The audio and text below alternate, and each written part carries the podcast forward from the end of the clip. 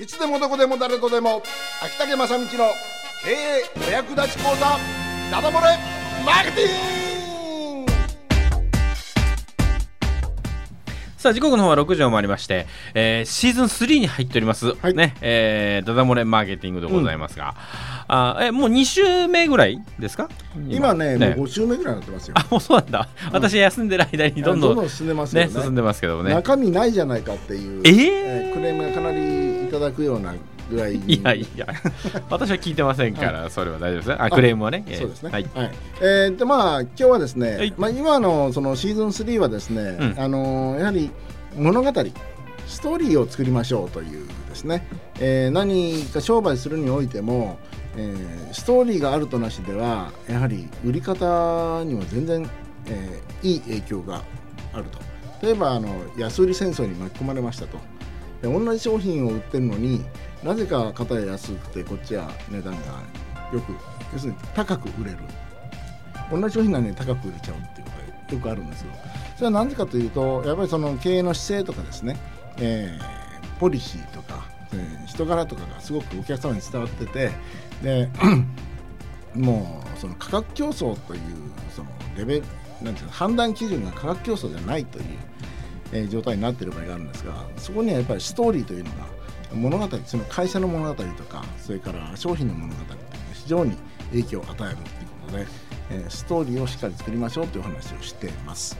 で具体的作り方っていうのもちょくちょく触れてはいるんですが今日はせっかく演劇界のねえっ、とドラマトゥルクトゥルクそうですドラマトゥルクドラマトゥルクはいを、えーやっていらっしゃる島田さんがいらっしゃるのでそのままお残りいただいて演劇におけるストーリー作りみたいなところをですねちょっとお話をお聞きできればと思っているところでございます。はい、ね。あのー演劇はまあまず何か伝えたいことがあってっていうことになるんですけど、はい、例えば映画とかですね。はい、そのハリウッドの映画とかほら、はい、なんとなくこうあるじゃないですか。こう最初にこう危機が訪れたりして、はいはい。はい、で力のない自分に気づいてみたいな。はいはい。でで生還してとかですね、はいはい。で最後にこう祝福で終わるとかですね、はいはい。あるじゃないですか。はい、あの演劇の場合っていうのはそういうのはあんまりとらわれないんだろうとは思うんですが、はい。例えば起承転結起承転結みたいなですね、はいああいう流れみたいななんかあったりするんですよね？あの通常今言ったようにハリウッドなんかはだいたい三部構成っていうのがええ。基本的でええ。今言われたよううん。に最初に何かきっかけがあってで事件が起きてで次にえーそれを解決するための障害があってそれを乗り越えてうん。で最後にクライマックスっていうのがこれがもうハリウッドは典型的な作り方でええ。だいたい30分60分30分ぐらいではい映画を作るっていうのは基本なんですね。でうん。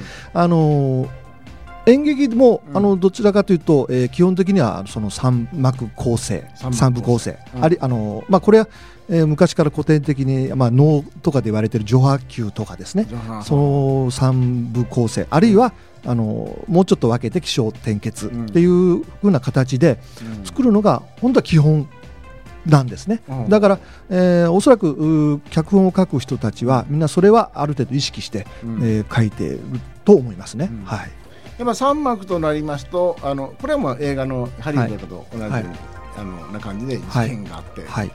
みたいな感じなんですね。はい。うんいやあのーそういうですねこれからあのこのコーナーでは要するに自分たちのこうなんですかねあのストーリーを、まあ、会社としてはい。まとめていこうという一つのお手伝いができればいいなと思って、はい。ねでお店に入りますとそこに社訓があったり、はい要するに店のポリシーがあったり、それから今までの店の歴史とかですね、でそういうのがあるとえらいこう天格が上がるっていうのはい。がありますのでね、そういうのにこうなんかお役に立てればいいなと思うんですけども、はい。もし島田さんがお店を経営していらっしゃるとするならば、えーどういうふうなこうなんかね、はい。えーものがあるといいなと思います。まあ、先ほど言われたように、ええ同じものの商品があった時には、やはりそこに何かしらその付加価値をつけたい、うん。でその付加価値は何かといった時に先ほど言ったようにそのその商品のうん。歴史だったりだとか、あー開発秘話だったりだとか、うんうん。そういったものがつくことによってそのものの、えー付加価値がつく、うん。でそれが、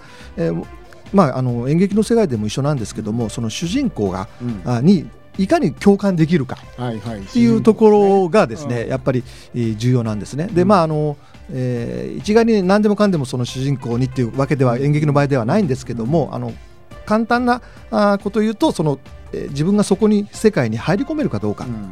そうすると、えー同じようにその商品でもそこに自分が何かしら、えー共感できるものがあるか要するに応援してあげたくなるようなものがあると非常にいいのかなと思いますね。あ今す非常にですねあのキーワードだと思うんですけどもやっぱ主人公を意識して、えーそういう物語を作るっていうのは大切なことだと思いまして、で主人公の成長物語、はい。えー主人公がなぜここでこういうふうな気づきで、えー今こういう姿になるのかとかですね、えーそれが商品が主人公であったりそれから、えー聞いてる皆さんが主人公であったりまたは店の店主が主人公であったり、はい。だからストーリーを作るときにやっぱ主人公を決めるっていうのがね、はい、やっぱり大きなそうですね。要素かなとはい思いますね。はい、ということで本日は早めですけど。え？え？そんなでも最近そんなもんそうなんですか？ええ、最近もうあの56分で「はいはい」みたいな感じで。あそうですかはい。あ今日のね、えこの今のお話は非常に重要で、あの何かの物語ストーリーテリングとか、うん。それからあとこうなんですかね、えーストーリーで物事を商談をまとめるとかいう時でも要は聞き手がその主人公に共感できるか、えーその入り込めるかっていうのが重要で、実は主人公という意識なしに物語作っちゃうこと多いんですよ。なんか物語、要するに今までストーリーを作ってくださいって言っても、あのストーリーえ主人公の成長要は主人公に成長する姿にみんなこう映画でもねハリウッドでもそうですし、あのー共感していくんですけど、その主人公の成長する姿っていうのを描かずしてこう物語を書いちゃうと単なる売り込みになったり威張った話になったりっていうことになっちゃうので、えー今日は非常に私は重要なところじゃないかなと。この5分間に凝縮された。うん。なるほど。わかりました。はい。はいというわけで。えー、人間がだんだんできてきましたね。最近ね、まあ、俳句型に変わりが、ええ。えあのーすついついね、うん、あの言葉が口数が多くなってしまいますけど それをサクッと。サクッと、ええええ簡潔にするとはい簡潔にするはいええわかりました。さあ、ということでございまして、えー今日のダダ漏れマーケティングはこんな感じでございました。ははいい。えーゲストの方にもね、今日はあの、飛び入りで参加していただきましてありがとうございます。